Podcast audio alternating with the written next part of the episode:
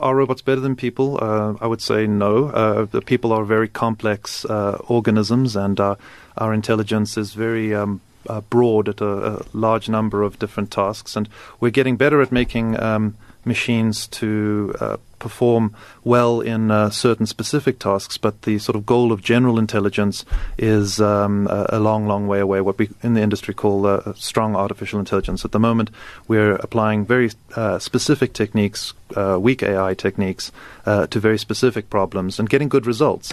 Um, so I would say they're not better than people um, yet. Jy praat nou van 'n long long way off, maar hoe gaan wetenskap en tegnologie ons lewens sê in die volgende sê 20 jaar verander?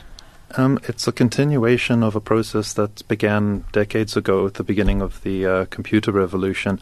Um, we no longer have uh, uh, pools of uh, secretaries uh, to do basic um, typing work now that word processors um, are uh, um, uh, available to everyone. Uh, we no longer need people to add up long columns of uh, data. Mm. We have uh, spreadsheets for that. Um, now we've gotten better at automating processes, so uh, some of the more mechanical parts of your workday um, are liable to be replaced by um, software. Verduidelik vir die luisteraars wat die verskil is tussen twee begrippe wat ons deesdae baie hoor, die een AI waarna jy nou verwys het, artificial intelligence mm -hmm. en dan is daar ook AR. AR? Um, yeah, the um, artificial reality. oh, right, right. Augmented reality. Yeah. Um, yeah, okay. They're, they're very different things. Uh, artificial intelligence, kunstmatige intelligentie, I mm-hmm. suppose, is uh, uh, uh a uh, way to sort of capture uh, intelligent behavior onto a machine. I prefer to look at it that way that you're embedding intelligence onto an artifact rather than that you're creating intelligence that is inherently artificial. A lot of uh, what uh, AI is all about is about capturing intelligent behavior from something like how people have acted in the past or uh, inspired by nature and then repeating that behavior on a machine.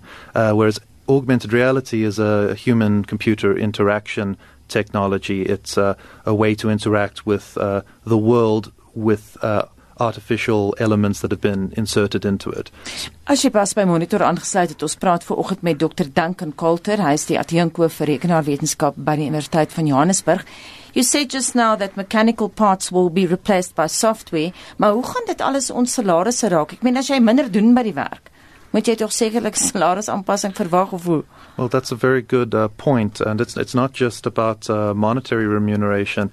Uh, human beings are incredibly social animals, um, so we're keyed to seeing.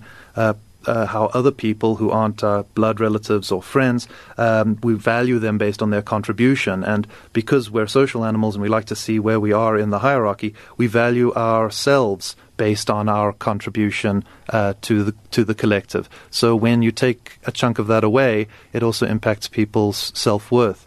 So yes, uh, it'll be difficult to understand how. Uh, we remunerate uh, people for doing less, and many jobs will be removed.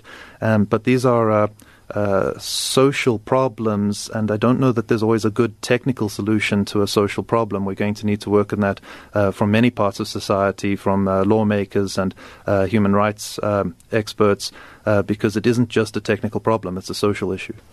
En uh, tot hoe mate word hierdie AI deur Suid-Afrikaners omarm of dit nou naby julle is op die kampus of van regeringskringe af is daar 'n besef dat die wêreld beweeg in die rigting en ons moet ons moet bykom Yes, um, definitely. Uh, South Africa, I think, has the advantage that we tend to lag behind the rest of the world uh, by a few years. You're calling that an advantage? Yes, because it means we get to see how it impacts mm. uh, other uh, cultures before ours.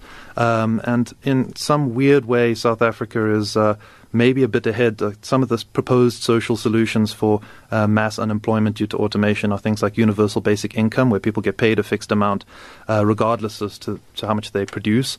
And um, uh, we already have a situation where unfortunately, uh, not by intention, uh, a large portion of the population is uh, uh unable to provide for themselves. So maybe we can jump ahead and um, and uh, have universal basic income or something like that if it works elsewhere um, by building on what we've got already.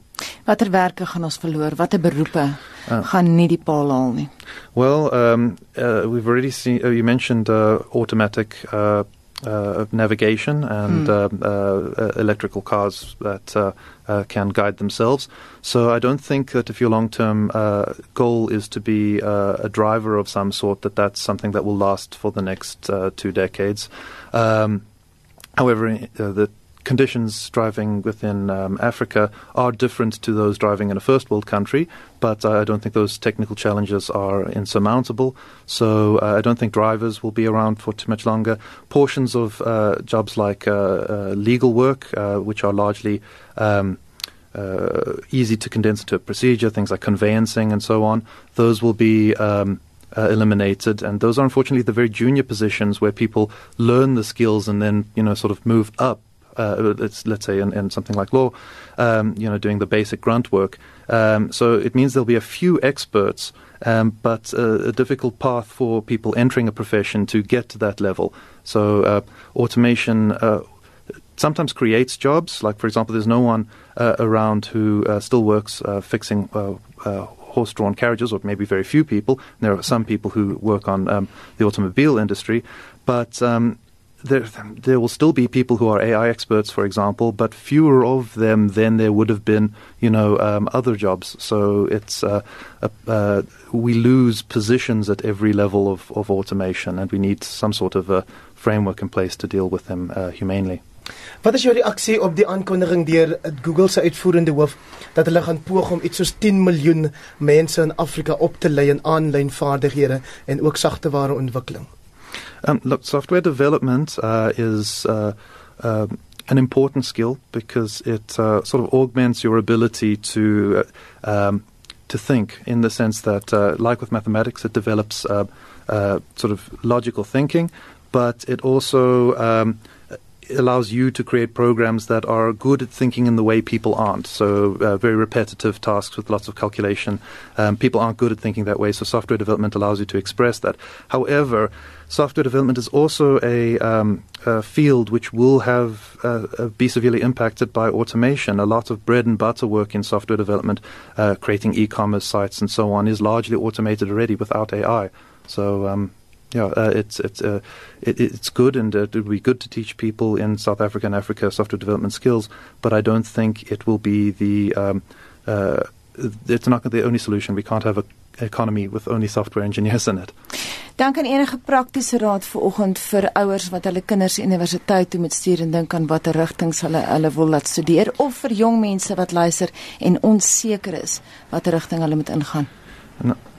Um, I can answer that uh, with two hats on. My first hat as uh, uh, Deputy HOD of Computer Science is obviously study computer science, and why not study it at the University of Johannesburg? But um, in a practical sense, uh, I think jobs like uh, plumbing and uh, artisanal work like electricians and so on will be uh, slower to be replaced because uh, we've made great strides in um, machine reasoning and in um, uh, those sort of decision making and advice giving roles. But uh, robotics has lag- lagged a bit behind, and something which would require uh, navigating through a physical environment and uh, performing tasks that aren't that pleasant um, will be quite safe for a while, and you can make a good uh, living uh, as a, a, a, plumber or an, an uh, a, an electrician. So I think those jobs might might linger a bit longer than um, we are with others. Like and anything that requires a human being to interact with.